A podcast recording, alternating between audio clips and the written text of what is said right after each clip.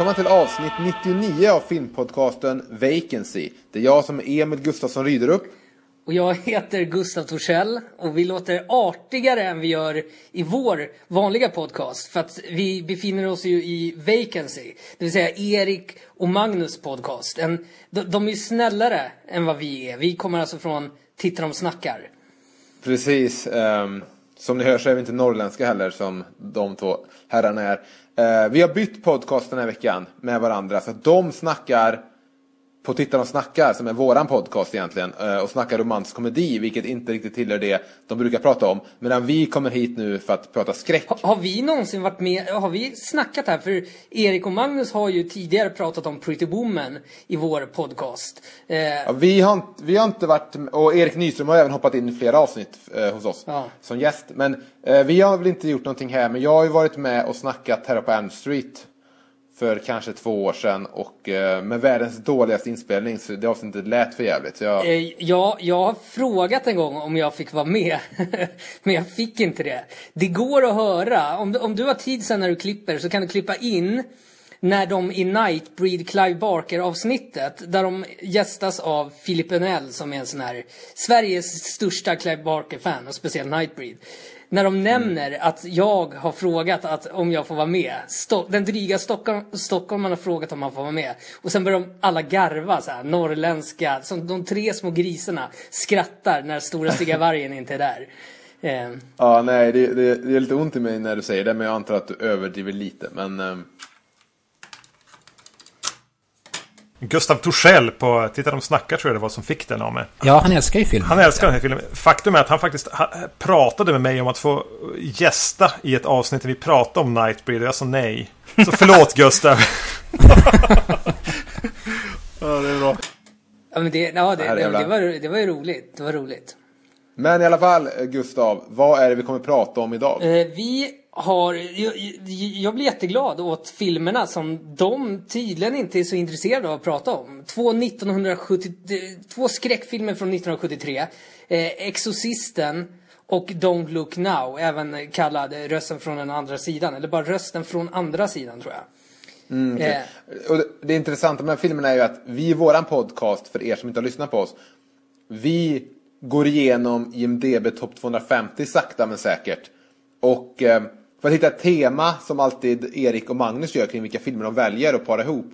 Så var det intressant att välja två skräckfilmer som mycket väl hade kunnat ligga på den listan. Eller det hade inte överraskat så många om de hade legat med på listan men inte gör det. Ja, det, det och där passar ju de här väldigt bra in. Jag hade nog, precis, jag hade kunnat ha dem på min personliga 250 topplista, kanske. Jag vet inte hur det ser ut. Jag vet inte hur många filmer man har som man verkligen älskar. Men jag tycker, jag hade inte varit ett dugg förvånad. Jag är lite förvånad över att kanske Exorcisten inte finns där. Mm. Ja, ja, mer kanske. Men eh, vi kan ju ta tycker jag och prata om dem i kronologisk ordning. Så då startar vi med eh, Don't Look Now som alltså släpptes på bio i USA den 16 oktober 1973. Gjorde den det? Hade inte den premiär senare i USA? Ja, det här kanske är den brittiska premiären då. Men hur som helst, den hade i alla fall biopremiär. Eh, den 16 oktober 1973. Ja, jag tror den kom den vi... på julen i Sverige och typ januari i USA. Ja, mycket väl. Men det var i alla fall den brittiska premiären då. Och då visas den som en double feature tillsammans med Wicker Man. Som är en film som jag har en uh, betydligt större relation till än den här. En film jag är uh, nyfiken den... på att se.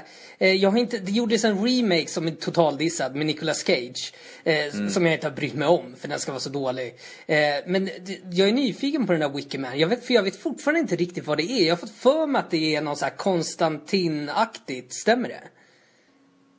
Mm, nej, nej, det gör det verkligen inte. Konstantin, alltså, nej det handlar om en en polis som beger sig till en eh, isolerad ö i eh, någonstans utanför Englands kust eh, för att eh, han har fått ett brev om att en flicka blivit mördad tror jag. Så han åker dit för att undersöka saken. Och så blir det väl lite lik, lik den här filmen eh, med att han då letar efter en flicka och allt går åt helvete på ett eller annat sätt. Eh, så det är kanske är därför den paras ihop, för de visas av allt tillsammans. Ja. Wickerman var väl liksom B-sidan tror jag till den här som var första filmen. Okej. Okay. Eh, ska jag gå igenom också kanske att, att regissören är Nicholas Rogue. Rogue. Ja. Eh, som jag inte har så stor eh, relation till heller. Men han gjorde ju The Man Who Fell to Earth senare med David Bowie. Och eh, skådespelarna är ju Julie Christie, Eh, då tillsammans med Warren Beatty eh, och Donna Sutherland. Ung och med krulligt hår. Precis, och Julie Christie som var... Eh, jag hade två favoriter i tonåren. Jane Fonda och Julie Christie var mina 70-tals eh, älsklingar. Som, alltså jag verkligen såg alla deras filmer. Julie Christie har ju liksom inte... Alltså hon gjorde främst filmer då, men har sen varit ganska snål med, med att vara filmstjärna. Eh, Jag har skrivit här att hon vann en Oscar för eh, filmen Darling tio år eh, tidigare än eh, Don't Look Now. Det kanske är intressant för någon att veta. Eh, hur ska vi ge oss i kast med om att prata om den här filmen tycker du, Gustav? För du har ju en betydligt större relation till den än vad jag har. Vad är det för relation du har till den här? Från du även i vår podcast har nämnt den ett par gånger. Det är en film som återkommer. Ja. Alltså jag såg den på typ gymnasiet. Det skulle inte förvåna mig om jag har sagt att det var på högstadiet och ibland att det var på gymnasiet. Men skolålder, när jag är på besök hemma, för jag pluggade i Visby, mina föräldrar bodde i Stockholm. Men så ser jag Don't Look Now, för pappa hade, har ju fortfarande massa VHS-kassetter. Så jag bara väljer den vill jag minnas. Jag börjar tappa det här minnet. Men jag ser den själv nere i pappas arbetsrum. Och ballar ut i slutet och bara springer. Ni vet, du vet när man springer upp för en trappa och tar, så här, tar trappan i tre kliv. För att man är, man är mörkrädd. Och jag menar, jag har förlorat oskulden vid den här tiden. Jag har slutat vara mörkrädd. Men jag blir mörkrädd igen och bara springer upp till pappa som sitter på mellanplanet. Det låter som att vi bodde i ett slott. eh, och bara springer in till honom och bara så här vill veta att det finns en verklighet. Så att den berörde mig oerhört eh, eh, starkt.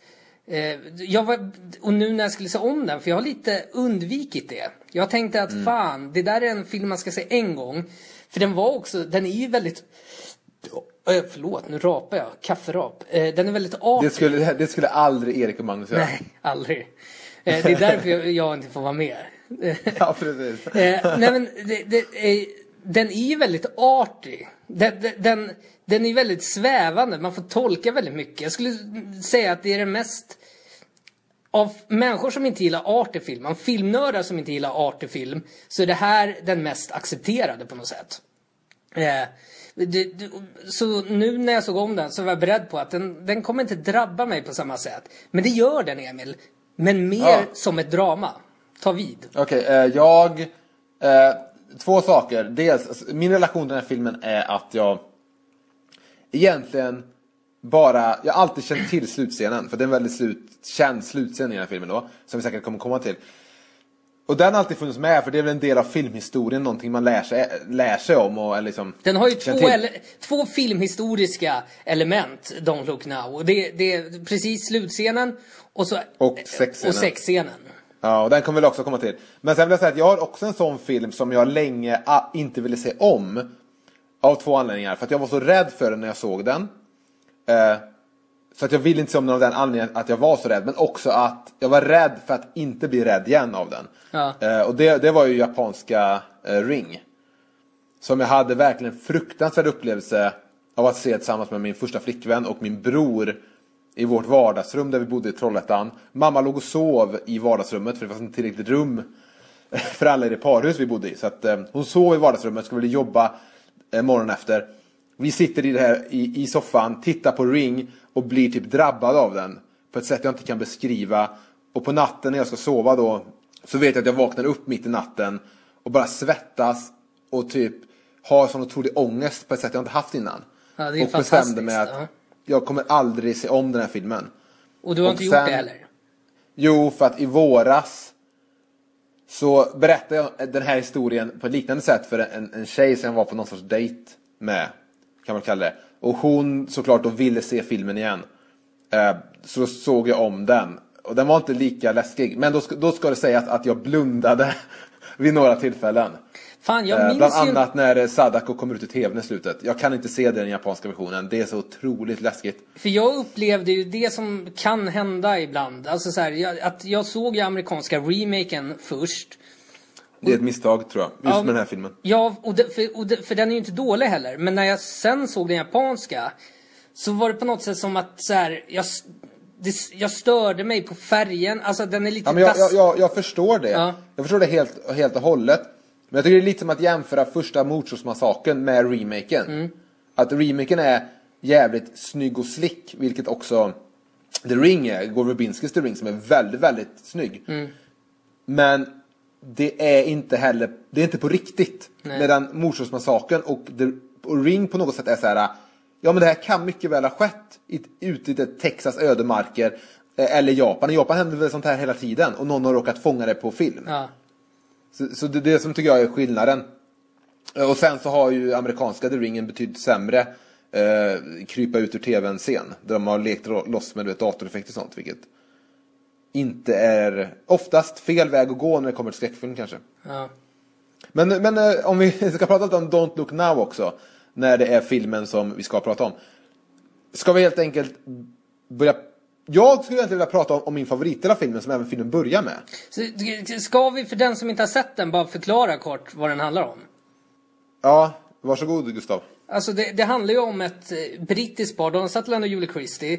Som i inledningen av filmen så dör, drunknar deras lilla flicka när hon är, är, är ute och leker på gården. Eh, och i sorgarbetet, de har en son också men han är inte med sen i filmen.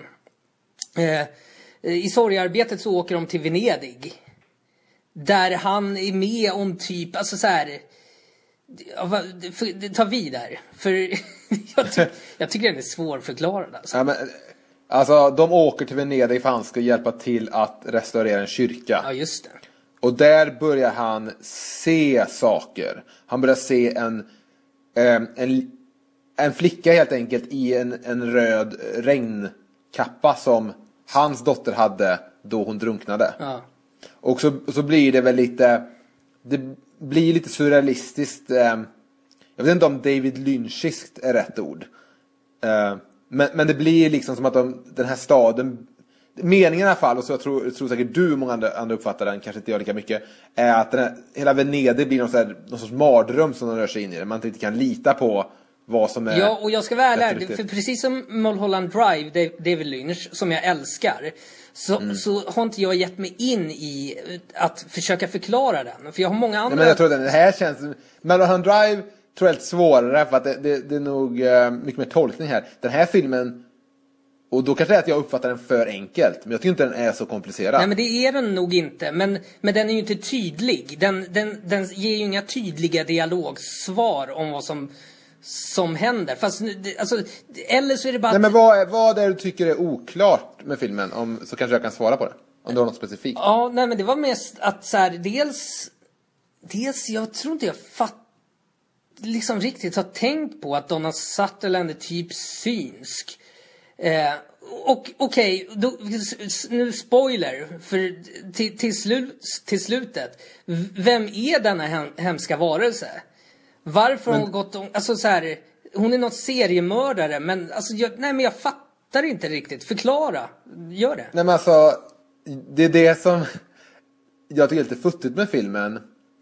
Är att, den, att hon helt enkelt är den seriemördaren i den här... Alltså, det finns ju en sidohistoria då när de är i Venedig om att det här är en seriemördare. Ja. Utan att det egentligen finns någon kopplas till huvud, deras sorgarbete eller handlingen. Nej. Men det är ju seriemördaren. Så enkelt tror jag det är. Och de här synerna han har sett med sin fru på den här båten och sånt. Ja. Det är bilder av, av sin egen död och sin egen begravning. Ja, precis. Det, det, Han- han ser- han det ser läste liksom jag på Wikipedia också och förstod bättre. Så den, den här filmen för mig är främst en film om ett äktenskap. Alltså så här, och deras Ja, men, och det är väl det eh, regissören ville. Att det skulle vara en sorts stanna upp i ett ögonblick av sorg. Eller för- liksom, vad ska man säga? Han, han fastnar ju i sorgarbetet och vill, vill bara liksom visa upp det på olika sätt. För det, det är ju där också, det, lä, det läser jag i efterhand, att den här berömda sexscenen eh, lades till på inspelningsplats för att Nicholas Rogue eh, kände att det behövs något ljust i deras Mm. relation. Så de improviserade och den, den är ju så van... Kan du hålla med? Får du känsla i den sexscenen av hur de har klippt den? För till musiken av... eh, Fan, vad heter han? Jag älskar ju honom. Som gjort filmmusiken till Carrie. Fino Di Naggio, någonting. Jag, jag är helt uh, ställd där, jag vet inte. Vi har pratat om det någon gång. Ja. Men vad tycker du? I den här podcasten kan vi inte dra i klockan. Så att, vi får leva med att vi, att vi inte känner till det. Men sexscenen, för mig, jag, jag, jag tycker det var ett bra val att lägga till att det här paret också är lyckliga tillsammans. Mm. För annars är väldigt mycket att hon är ledsen, han är sur. Hon skyller på indirekt eller direkt på honom för dotterns död och allt det här. Men problemet för mig med den här sexen är att den är så jävla lång. Den pågår ju en evighet. Men det... Och inget speciellt händer. Alltså jag fattar efter första tre klippen att de har sex och förbereder sig för middagen efteråt. Som ska gå de, de crossklipper ju den väldigt snyggt. Till den här underbara musiken som finns på, på iTunes faktiskt, soundtracket. Eh, mm, okay. Och det här är kärlekstemat som jag bara, alltså jag, sen, sen, jag såg om den här filmen så då gjorde jag istället så här, du vet, YouTube till MP3. Mm. Eh, och det, och det, jag, den, jag har lyssnat på den, ibland he, så 40 minuter tågresa, haft den låten på loop och börjat typ så här, sitter och blir så här sentimental, alltså får så här tänker på barndomsminnen och tänker på, ja. även på Donna Sutherland det... och Julie Christie. Alltså så här, jag bryr mig väldigt mycket om det paret. Eh, och deras 70-tal. Det är som att de karaktärerna liksom har funnits på riktigt. ja, idag på praktiken satt jag och lyssnade på Eh, eh, Pearl Jam Sirens på repeat. Så det är ungefär samma sak där. Jag kan säga att eh, kompositören heter Pino Donaggio. Precis. Jag lär mig aldrig. Han har även gjort... Det, till Don't Look Now så gjorde han... Det var hans debut. För han, han var egentligen en gammal så här popsångare från Italien som hade en hit med och skrev You don't have to say you love me som sen Dusty Springfield gjorde. Mm. Men, men, ehm, fast han gjorde den då på italienska och sen sålde han om till filmmusik. Och även jag, jag, jag, vill snabbt, jag vill snabbt innan vi går tillbaka till filmen leka fem myror är fler än fyra elefanter med dig. Ja. Jag vill att du säger vilken av de här som inte, som inte hör, hör, hör till de andra.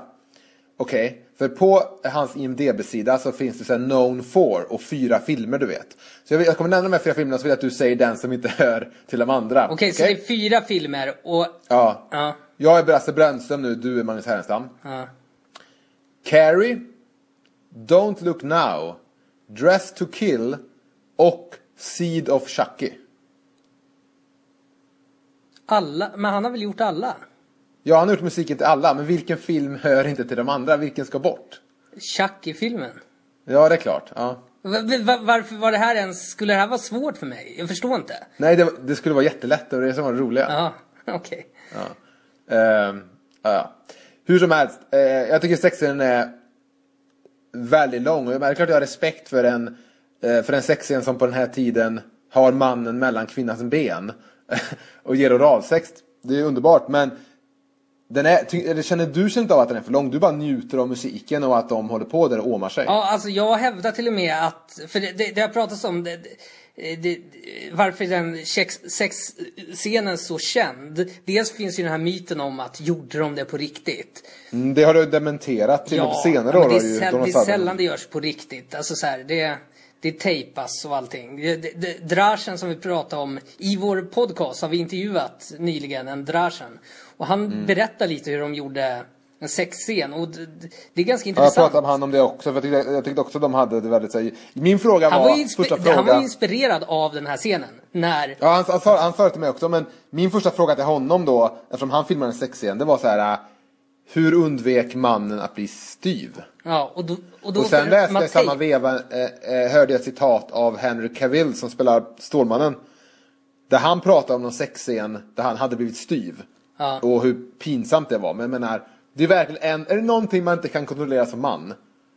Så är det fan hur mycket blod det är i ens penis. Ja, nej, nej precis, det går ju inte och det blir alltid lite. Men man tejpar väl snoppen?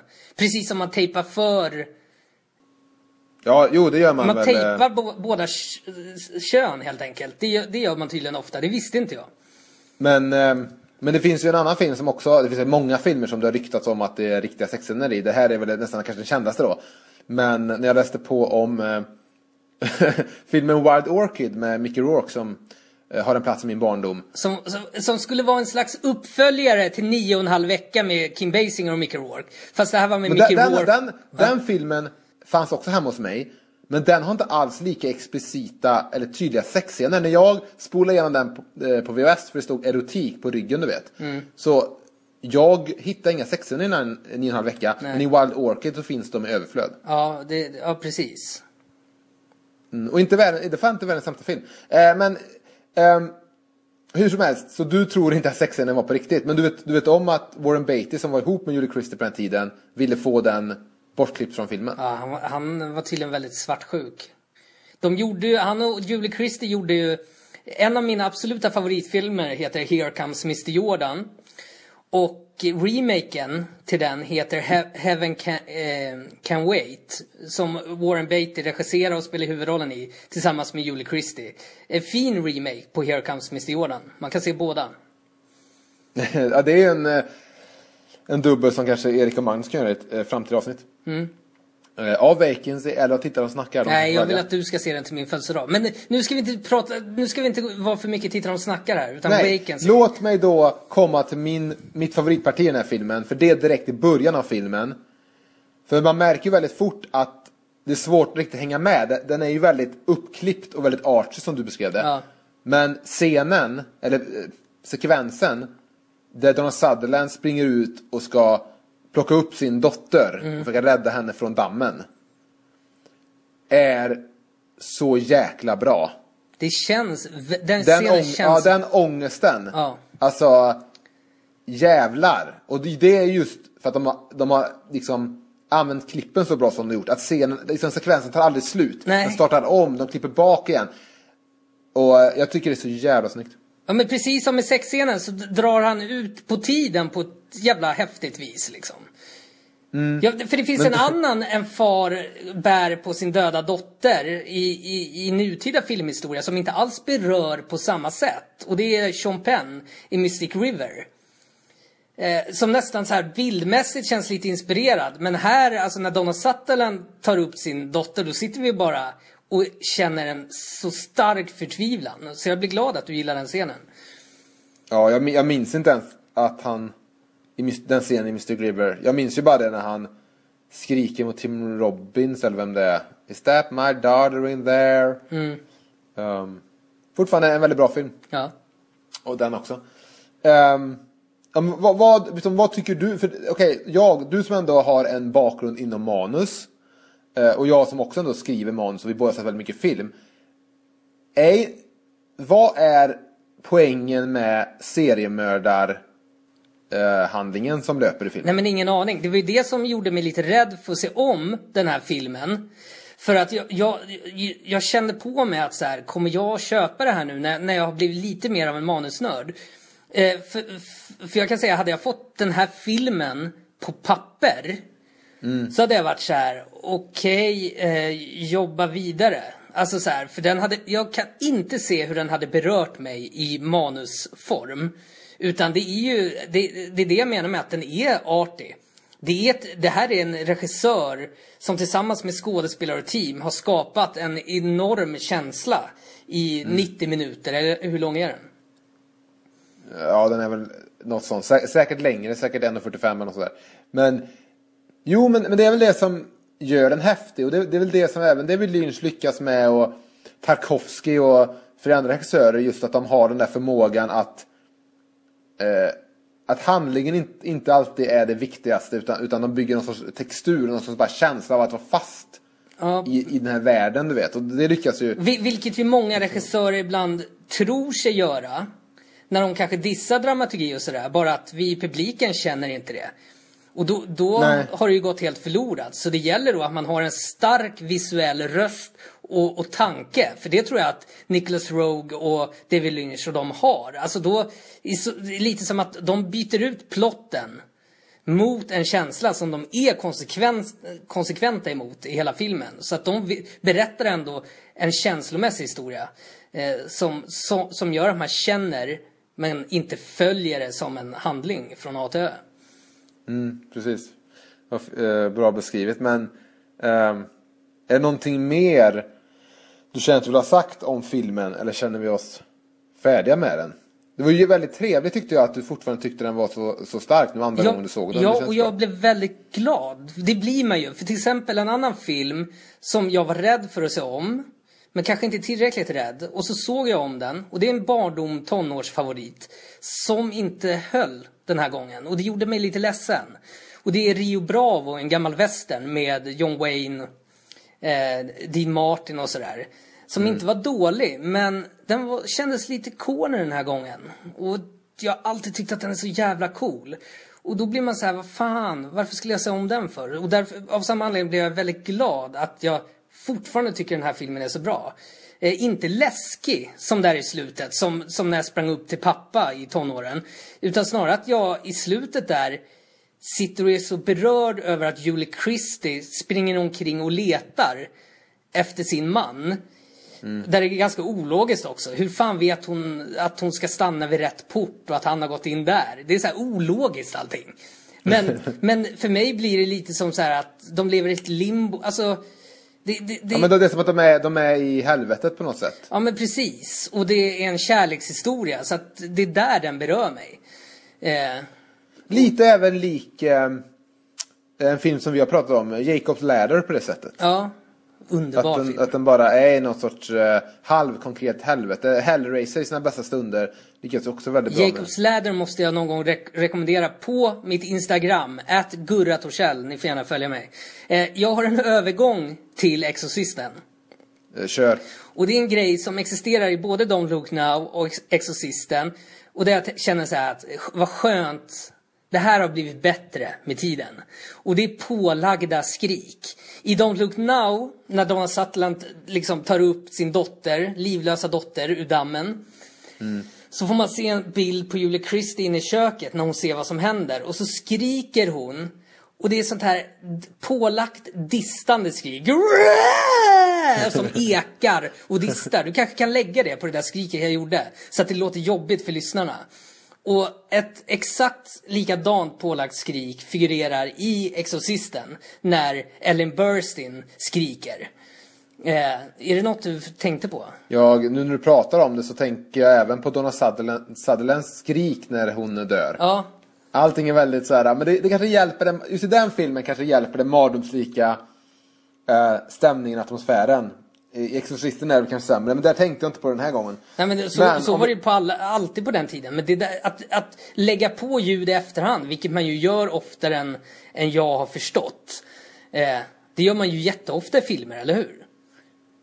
Ja, jag blev så överraskad när jag var yngre och fick reda på att de typ dubbade om all dialog och sånt i amerikanska filmer. Det var för mig helt... Ja, som att det är animerade filmer. Ja, det blir helt så här, fan vad skickliga vissa är liksom. För jag menar, när de dubbar så här Beck-filmer. Ja, men det, det, man hör det på ett annat sätt i svenska filmer, får man för Det sig. finns, nu är detta så off topic så det inte finns, men när jag såg om Änglagård-filmerna en gång i tiden av någon anledning, det var faktiskt när vi, jag tror vi pratade om Änglagård 3 eller någonting i våran podcast, och så såg jag Änglagård 1 och 2. Det finns en, en replik i Änglagård 1 som de har klippt in på Helena Bergström. Som har en helt annan karaktär, som, och som du säger, lite så här distig, lite så här, verkligen inspelad i studio. Som de har klippt in mellan eh, andra repliker hon har som säkert är tagna på plats. Ja. Och det låter så jävla fruktansvärt för att vara ändå en svensk eh, normalstor produktion. Eh, off topic, ingen bryr sig om det för det är en skräckfilmspodd. Så nu ska vi prata om Exorcisten. Och det är en film som hade sin premiär i USA då 26 december 1973. Samma år som Don't Look Now då. Eh, den är regisserad av William Friedkin som hade kommit från eh, French Connection innan. Eh, Max von Sydow är såklart väldigt känt att han spelar i filmen. Linda Blair är ju känd som flickan. Är ju egentligen bara känd för den här filmen. Och det är då Ellen Burstyn som du pratade om. Som senare skulle vara med i Reckon for a Dream. Den här filmen dock var, blev än, ännu mer, kanske än mer uppskriven och populär än Don't Look Now. För den fick 10 Oscarsnomineringar.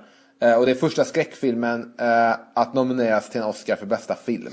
Och den var ju, jag, jag minns när jag var liten och man, man pratade om Exorcisten med, med mina föräldrars generation som då ju var så här 30, 40, alltså mellan 30 40, där du och jag är nu. Eh, och då, då var det många som sa så här, jag glömmer aldrig, jag, jag hade en kompis som svimmade under visningen av Exorcisten. Och det var många som enligt myten hade spytt på Exorcisten. Vilket man Men det är som att det finns två myter om alla gamla succéer. En myt som alltid dyker upp eh, med så stora succéer är att eh, det var de längsta köerna utanför biografen någonsin. och sträckte sig flera kilometer. Så säger de om allt från Hajen till Star Wars till så, till Alien. Och den andra är också där om skräckfilmer och så att det var det läskigaste någon hade sett. Folk spydde, folk svimmade, någon eh, fick en hjärtinfarkt. Ja. Och i själva verket, så, det händer sällan. Och händer det så är det ett, arrangerat, eh, förmodligen. Alltså inför premiärvisningar. Jag tänker på Lars von Triers Idioterna. Det här har jag berättat för dig någon gång. Hur man fick läsa om på premiären hur folk ballade ur i publiken. Och jag är helt säker på att Centropa hade fixat det här produktionsbolaget. Och sen när jag såg den på biografen Saga i Stockholm, då finns alltid de här efteraparna. Du vet, eh, jag tror att det är de som idag går under namnet hipsters och bor på Söder i Stockholm. Och då, då är det alltid någon, eh, för på visningen av Idioterna, eh, då satt en kille längst fram och började åma sig. Jag menar, det är en vanlig jävla film där folk bara ballar ur. Men han började ropa i ångest så här, åh nej, åh! och lägga sig på golvet. Och alla i bi- biosalongen hatar ju den här jäveln. Man vill liksom, man, man vill bara sparka ut den här tönten. Eh, så oftast har ju inte det där hänt att någon har spytt eller ballat ur. Och har det hänt så är det eh, produktionsbolaget som har arrangerat eller folk som bara vill. Du vet, ha narcissister. Fan, jag, vill- jag vill åka tillbaka i tiden och nypa den där snubben i bröstvårtorna. Ja. Ja, jag, jag har hört från, min, eh, från mina föräldrar så har jag hört två historier om den här filmen. För båda såg den faktiskt. Inte tillsammans, men de såg den.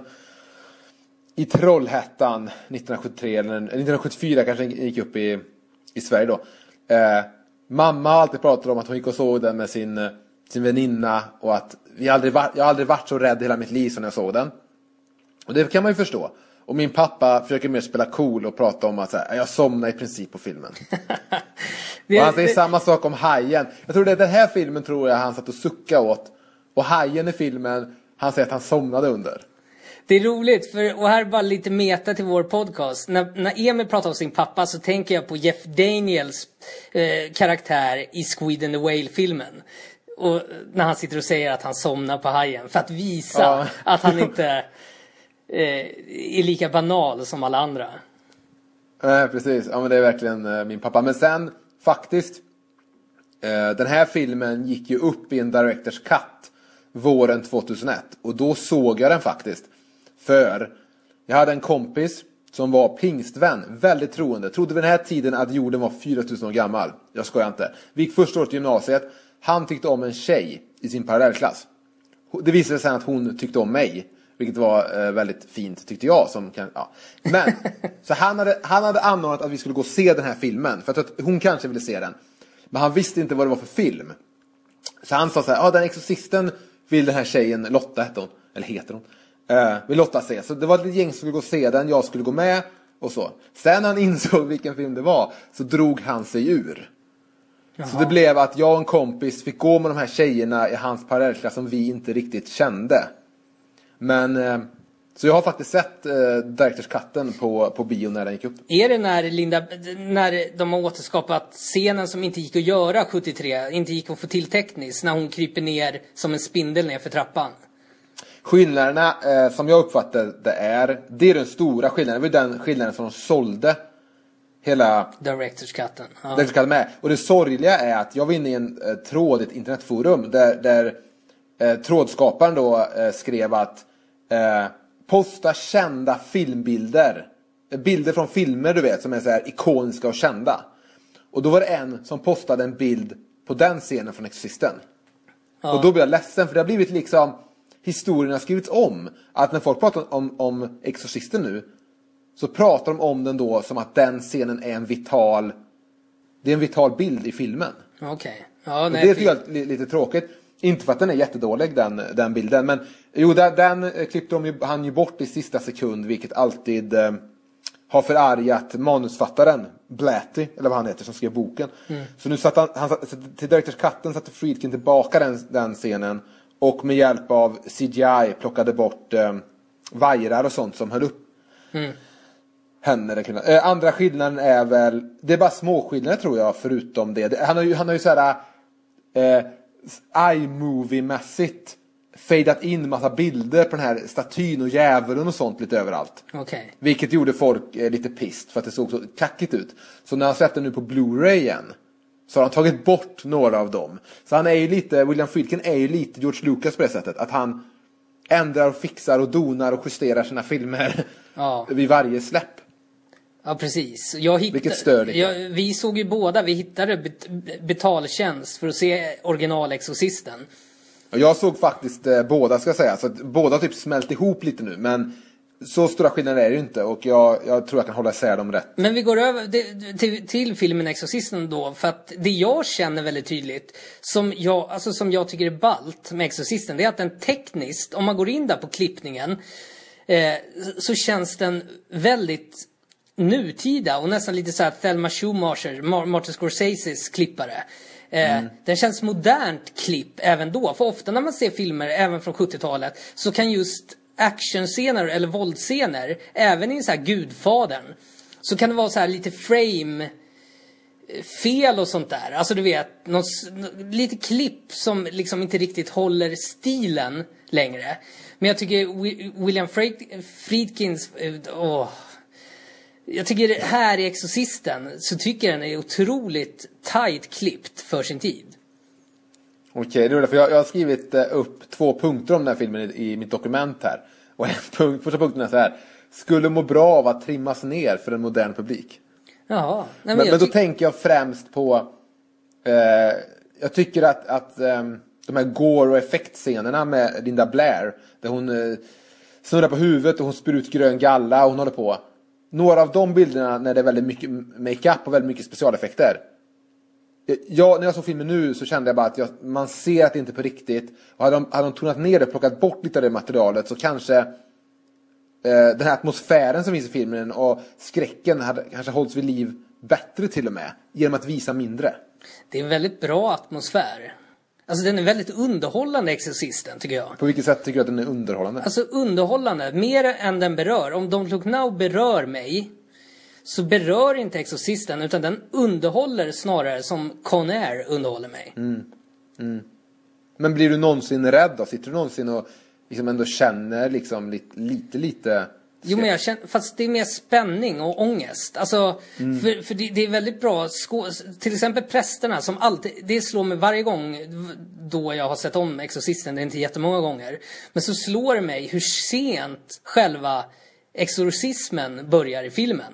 Det är ju nästan så här en timme och 40 minuter in i filmen eller något.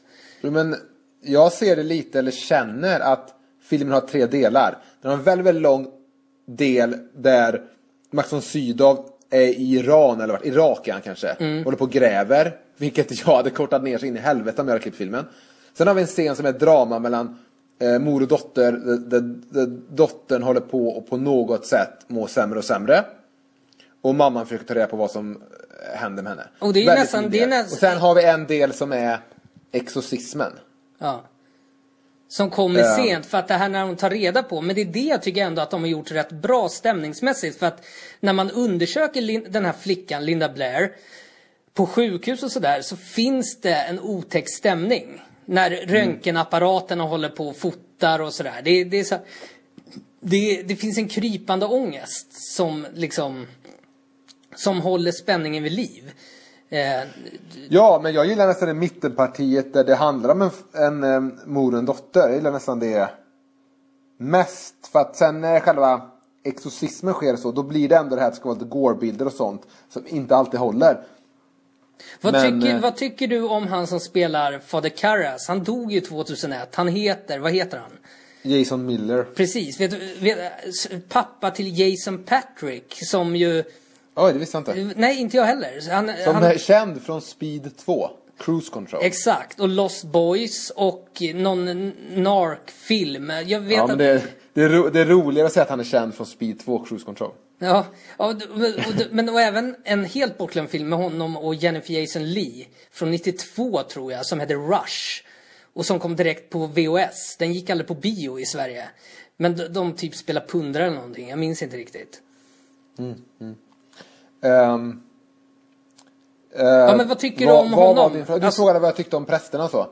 Och främst då uh, Father Karras. Ja, Lite grann, för, för jag, eh, eh, som för övrigt skulle spelas av Jack Nicholson egentligen. Men så fick eh, den här killen rollen för att eh, hans pjäs som vann något Pulitzerpris, han skrev och, och spelade. Eh, det, det, blev sån succé så att William Fra- Friedkin ville ha honom i rollen. Eh, jag tycker om han väldigt mycket. Och, jag, jag, jag, jag skulle inte säga att han har en Sylvester Stallone-kvalitet, men han har ändå någon sorts Sylvester Stallone-kvalitet. Jag gillar hur, eh, alltså när han spelar Rocky då, Sylvester Stallone, inte när han, inte nutida Sylvester Inte Stallone. Men ja. när man har någon sån här tyng, eh, han har hela världen på sina axlar på ett skönt sätt, Mm. den karaktären. Det, det, Och- och- han, han, han som skådespelare passar karaktären extremt bra. Men det jag, för eh, när vi pratade lite om det här eh, hur du skulle eh, reagerat på eh, Don't Look Now om du fick det i manusform. Här hade jag fått Exorcisten manuset. Så hade jag direkt slagit ihop präster. Eh, för det finns ju typ tre eh, stora prästroller i den här filmen. Som Sydow, Jason Miller står för Karas. Och sen finns ju en till präst som är med lite i slutet och den som, som skickar dem till fader Karas till att börja med. Så det är som att det finns lite för många präster. Och främst också Directors Katten där det är en extra scen i slutet med den här tredje prästen. Och det är som att på ett sätt så hade jag kanske sagt då som monsterdramaturg och då kanske jag hade gjort ett misstag. Men jag kanske sagt så här typ Varför låter ni inte fader Karas vara den som utför exorcisten? Varför ska ni ha en präst som skickar er till fader Karas som sen skickar er till Max von Sydow? Men det, är väldigt många steg. Ja, men jag tror att det hade varit ett misstag och det är därför ett misstag som jag, jag hade förmodligen gett samma råd som, som du. Men det skapas ju en realistisk stämning av att hon skickas runt. Alltså ungefär som att även prästskapet är liksom så här myndighetshierarkier. Eh, så det, det, det fungerar ju väldigt bra tycker jag. För jag hade även förmodligen, om jag hade fått den på papper så hade det varit så här. Eh, eh, exorcismen måste börja eh, senast minut 60 eller något sånt där. Och jag tror inte det hade varit något bättre. Det, det är det där att fan, fan vad vanskligt det är med eh, Nej, feedback. men, det, men det är det som är så svårt. Jag, jag, jag gillar inte idén med manusdramaturger och sånt. Jag gillar inte det. För att en filmskapares känsla går alltid före eh, en manusdramaturgs regler. Men, men sånt är så svårt. För Men det är här därför, jag också, regler, det, som med allt, kan vara bra att lära sig. Och sen, sen lägger man det åt sidan och litar på att det, det finns där i ryggraden. Du vet. ja, det finns när man, när man behöver det och man kan också välja bort Så- det när, när så- man för känner annars att... eh, missar man key moments där man ska skita i. Eh, Alla Mm. bra filmer har liksom, följer till viss del en dramaturgisk ryggrad men bryter också så här på minst två stora episka ställen. Eh, ja. Fortsätt. Eh, en sak i den här filmen som, som när jag såg den här gången och läste på lite om den, som jag inte hade tänkt på innan. Det är att eh, en film som jag pratade om i våran podcast, som jag tror även de kan ha pratat om i den här podcasten, när de pratade om tredje filmer i, i, i olika serier. Jag tror, för de pratade både om Omen 3 och Exorcisten 3. Jag tror det. Hur som helst, i Exorcisten 3 så finns ju den här poliskaraktären med som även finns med här. Fast i Exorcisten 3 spelas han av George C. Scott. Ja, för li, li, Och jag har aldrig kopplat att det är samma karaktärer. Och jag har aldrig kopplat till att den äldre prästen som är döende, tror jag i Exorcisten 3, är Father Karras som spelas i den filmen också av Jason Miller. Men Fader Karras dör ju i... Han dör inte i första filmen. Jo, det måste... Vänta nu. Jo, han dör i filmen, men jag tror det kan vara så att... Och nu kanske jag har helt fel. Jag tror det kan vara så att han inte dör i boken. Ja, okej. Och att Exorcisten 3 följer boken. Ja, precis. Det, det, Det det, här låter så. bekant, för den hade premiär 1990, fick tvåor överallt i svensk press. Eh, press, inte präst. Eh, men jag kommer ihåg när jag såg den på video, då var det lite så här, ja ah, den har bara fått tvåor. Men jag typ älskar Exorcisten 3. Jag tror att manusförfattaren Blatty inte ville att den skulle heta Exorcisten 3, för det heter inte boken. Nej, jag tror, jag tror boken heter Legion va? Och Han blev tvingad också av eh, studion, filmstudion att eh, stoppa in massa exorcism i filmen. För jag tror inte heller det finns med i boken. Eh, Erik Nyström då, som står bakom den här podcasten tillsammans med Magnus. Jag tänker på Zombie-Magnus heter han på Instagram. Vad heter, vad heter han efternamn? Magnus? Magnus Johansson va? Det, ja, det låter bekant. Eh, men eh, men eh, han, han har... eh, Har han rekommenderat? Eller var det Filip Punell? Sk- Skitsamma. Jag ska läsa den boken Eh, Erik varje fall. Nyström Som, vet jag har, i något av våra halloween-avsnitt har vi pratat om Exorcisten 3. har vi det? Ja, och vi har även pratat, när jag och du pratade om läskiga ögonblick på film i ett halloween-avsnitt. eh, Så hade jag med ett ögonblick från Exorcisten. Var det inte jag som hade med det från Exorcisten? Mm, jag tror det var jag. För det är den där jävla zoomen i en korridor som är sjuk. Eller kanske det var du då. Det kan Men, eh, nej för, för Exorcisten 3 var en sån film som jag aldrig hade en tanke på att se. Och Exorcisten 2 är skitdålig. Ja, för, och den har jag har inte ens sett Exorcisten 2 för det förstod jag redan där när, när jag var liten att den hör inte till eh, Den fortsätter ju historien och har ju med Linda Blair och allting. Jag tror till och med Max von Sydow var med i den. Ja precis, det var ju en sån här pengauppföljare men utan konstnärens, alltså skaparens inblandning. Eller jag vet inte om han var med och skrev men Jag tror helt enkelt att den filmen är så otroligt tråkig. Ja. Att alla har på något sätt har gått med på att den inte finns. ja, ja verkligen för att det- den var bara kass typ. Tyckte, alltså, Mm. men- det, det är det den hänvisas. Men, men trean var en sån positiv överraskning. För jag, jag, alltså jag köpte den för en spänn på ett filmlager jag jobbade på. Som hade stora kartonger med filmer som skulle sälja av. Så råkade de ha Exorcisten 3. Så jag köpte den för en spänn och så en kväll satt jag med min mamma och min bror. Tror jag vi skulle se en film. Och så sa jag, men vi kan se Exorcisten 3 då. Och så kollade vi på den och jag blev, så här, jag blev verkligen helt tagen av den filmen. För jag Alltså trodde jag måste den skulle vara skit. den. Jag måste se om den. Jag tror den ska vara skit och så var den så unik. Den är ju lite mera unik på ett Don't Look Now-sätt skulle jag säga. Än Ja. vad första Exorcisten är. Den är väldigt, väldigt konstig Exorcisten 3 men ett väldigt bra sätt. Men Va- sen finns ju även... Vad heter svenskan som är med? Är det Vi- Vivica Lindfors? Som är i Exorcisten 3. Det är hon som, det är hon som klättrar i taket i den filmen va? Ja, äldre, precis. Ja. Jag har Vivica Lindfors är med som Nurse X. Ja. Heter hennes karaktär. Ja, det, ja, fan vad jag är sugen på att se Exorcisten 3 nu. Se om den. Men, eh, vad är din relation då till eh, Ex- Exorcisten The Beginning? Som blev ju väldigt känd, där. var det 2004? Rennie Harlin Som gjorde den först och sen fick någon annan Nej, komma så, in. nej vänta nu. Jag, det här följde jag i detalj när det här hände. Jag var med när det hände på internet. Mm. Och skrev om det. Paul Schrader skulle regissera den och skriva den. Som alltså skrev Taxi Driver han skrev ju även Last Temptation of Christ.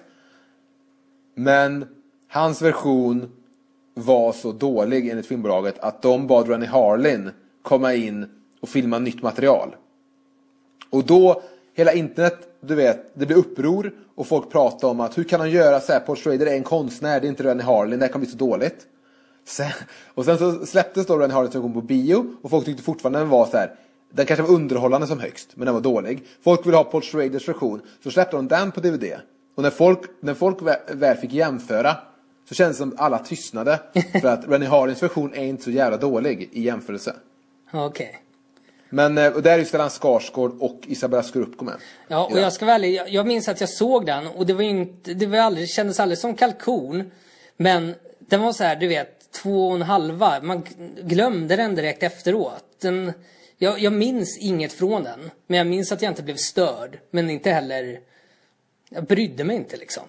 Ja men det kanske är att Exorcisten 2 kom och på något sätt förstörde Exorcisten som en filmserie. Så att jag tror inte folk ser det som en filmserie. Tror att man ser Exorcisten som en film. Och sen finns det kringfilmer Där som Exorcisten heter 3 Exorcisten är men ingen bäst. bryr sig om. Ja. Till skillnad från Fredag den 13 eller Halloween där man mer ser hela serien när man pratar om det. Ja.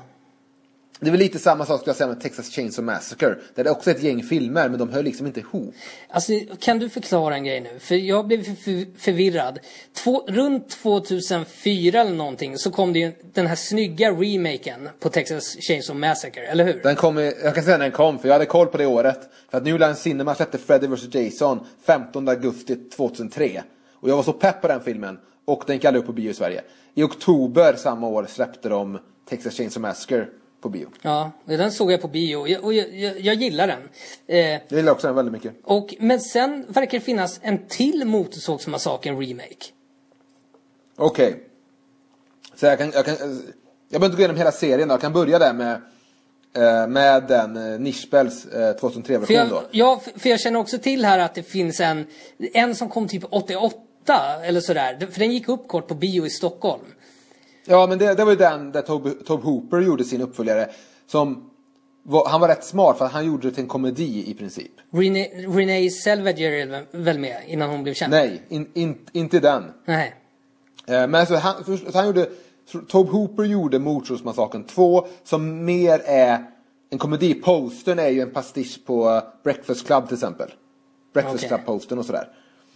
Sen kom eh, Leatherface tror jag den heter, som är Texas Chainsaw Massacre 3. Det måste ha varit början av 90-talet, då hade New Line Cinema fått rättigheterna. Ja, det är den som kommer 90 ja. Det är den jag tänker på. 90 Ja. den, den har inte jag sett. Jag vet bara att Kane Hodder spelade Leatherface i trailern. Och, och Kane Hodder är känd för alla som Jason Voorhees i tre eller fyra filmer.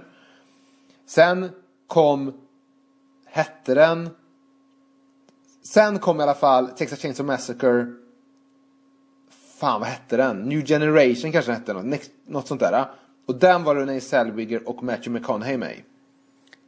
Aha. Och sen blev det tyst. Sen 2003 så kom Michael, eh, Michael Bays bolag Platinum Dunes som eh, är kända för att göra en massa skräckremakes. De gjorde en remake på Mordsordsmassakern med, med eh, Nischbell som regissör. Den tyska regissören. Där, där alla blev ändå positivt överraskande. Så här. Den, den var inte Motorsågsmassakern men den var något eget och underhållande liksom. Snyggt. Ja, men jag tyckte den... På något sätt så var Mordsordsmassakern en film där jag inte tog illa vid mig att de MTV-fierade den, eller gjorde den modern. För jag tycker den filmen funkar väldigt bra. Och har faktiskt, kuriosa, samma eh, fotograf som första Mordsordsmassakern. Ja, det är roligt. Mm. Sen släppte de, eh, Platinum Dunes och Nuna Cinema ihop, släppte en uppföljare till den. Som var en prequel som heter Texas Chainsaw Massacre The Beginning. Jonathan Liebesman regisserar den som nu senast gjort, han gjorde Battle for LA eller vad den heter med, eh, ja skitigt, han gjorde i alla fall Battle for LA. Han gjorde den och det är en prequel till den som också tycker jag funkar. Om man vill se lite hur Leatherface blev Leatherface och sånt. Ja, just det. Det de är lite passar väldigt mer bra ihop. konstiga familjen. Ja. Ja, de passar väldigt bra ihop. Ehm, sen blev det tyst igen. Sen gjorde de en remake som gick upp i 3D för typ, kan det ha varit ett och ett halvt, två år sedan. Så alltså blir så fruktansvärd. Men den startar direkt efter första filmen igen. Så, så jag såg den av en anledning. Det var att de har med material i början från första Mordsordsmassakern, men nu i 3D. Jaha. Om det, om det är slutet eller någonting som, som de sen...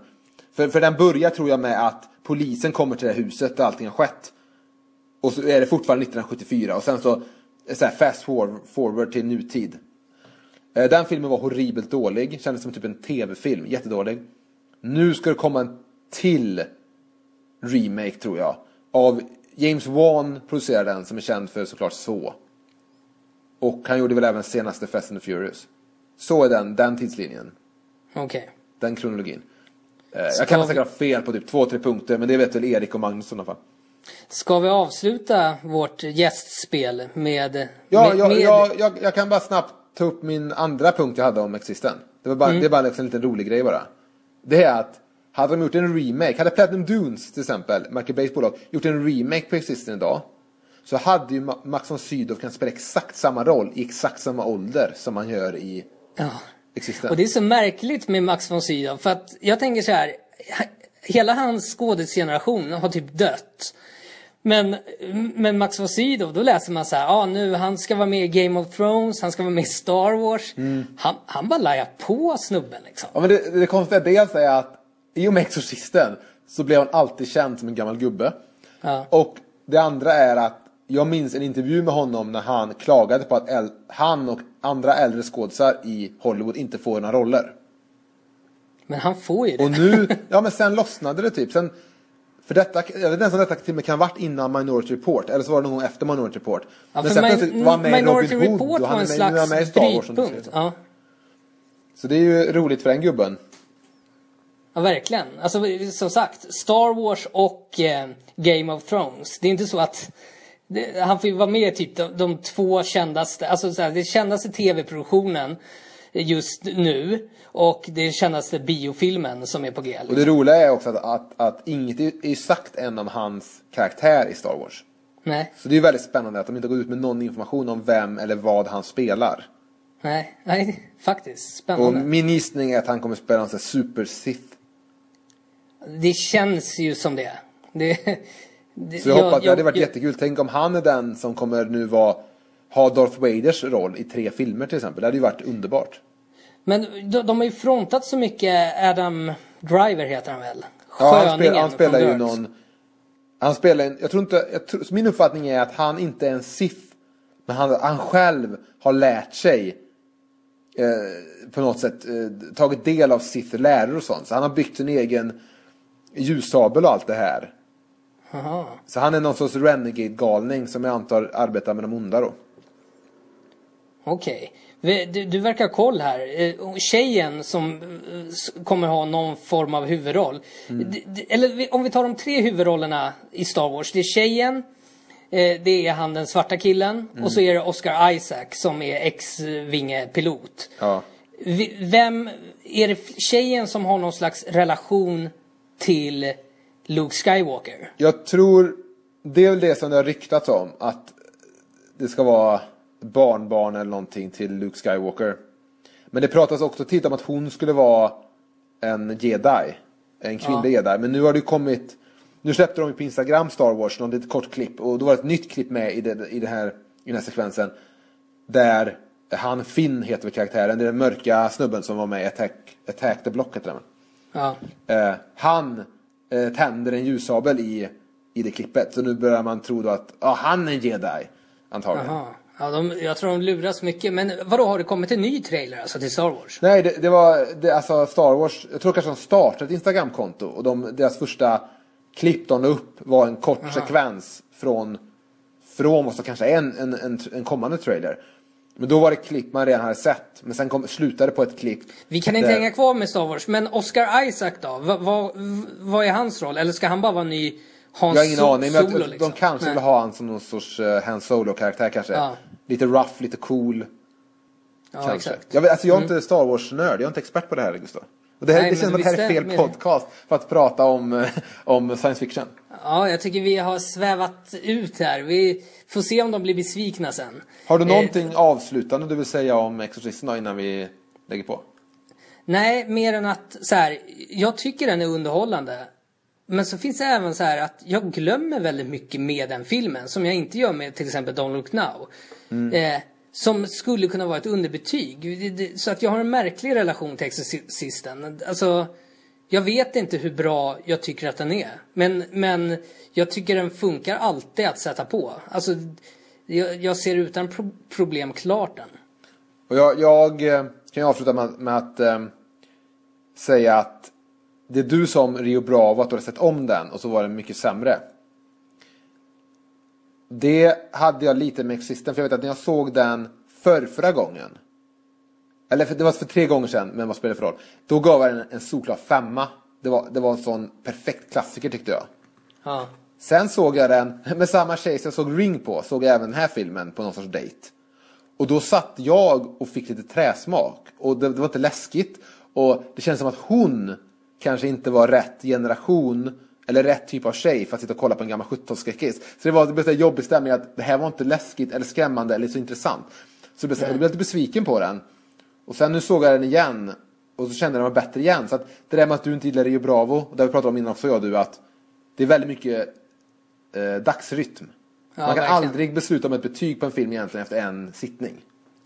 Nej, och det, Men- det, och det kommer alltid svaja Men fram och så att tillbaka. det svajar lite där mellan eh, fyra och fem för mig. Men eh, fin och, eh, vi ska väl tacka Erik och Magnus för att de tog över jobbet den här veckan med Titta de snackar. Vill ni lyssna på dem också den här veckan? Där de återigen pratar romantik, som sagt, dagboken. Eh, som du fortfarande inte har sett. Säg den svenska titeln också. Till dagboken. Ja. Eh, dagboken, undertiteln. Eh, jag sökte dig och fann ditt hjärta, eller hur? Vad fan är det? Vad fan är det för undertitel? Ja. Ja, ja, alltså, och jag kände inte till den. När jag såg den i DVD-hyllan så hade liksom jag missat den på bio. Eller förmodligen just därför. För jag var så här. Men det, det, jag hyrde den när jag såg att det var Nick Cassavetes. Ja. Eftersom jag älskar hans She's So Lovely-film. Med Sean Penn och John Travolta. Det, bortglömd film. Gjorde väl även, jag har inte sett den, men han gjorde väl även Alpha Dog. Ja, men den är lite småtrist. Okej, inte sett heller. Jag vet bara att Sharon Stone är med och spelar mamma. Mm. Ja, men så här, destruktiva ungdomar, man har sett det förut. Alltså, men, men She's So Lovely, den har en unik grej. Är också så här, nästan lite artig. Du vet, uppdelad i två delar. Sen hoppar det 20 år på ett konstigt sätt. Och den är bara så här, men det är så jävla mycket hjärta i den filmen. Det känns bara nu som att folk är arga på oss. Det här är inte skräckfilm, det här är inte genrefilm. Jag, och jag, jag förstår lyssnarna, så att nu ska ni slippa lyssna på oss. Och nästa vecka, eller om det är om två veckor, så, så kommer Erik och Magnus tillbaks. Och håller sig till sak, som det heter. Då firar de avsnitt 100. Så det är kul. Och vi, det har varit nära att vi har fått eh, stå för avsnitt 99. Vacancy finns på vacancy.se, de finns på filmfilms.se vet jag, de finns på Facebook. Vi finns eh, också på Facebook, vi finns också på filmfilms, vi finns på eh, Lyssna gärna på oss om ni vill också, men framförallt lyssna vidare på Vacancy. Och tyckte ni inte om oss så får ni tillbaka Erik och Magnus nästa vecka. Hej då Gustav! Hej då!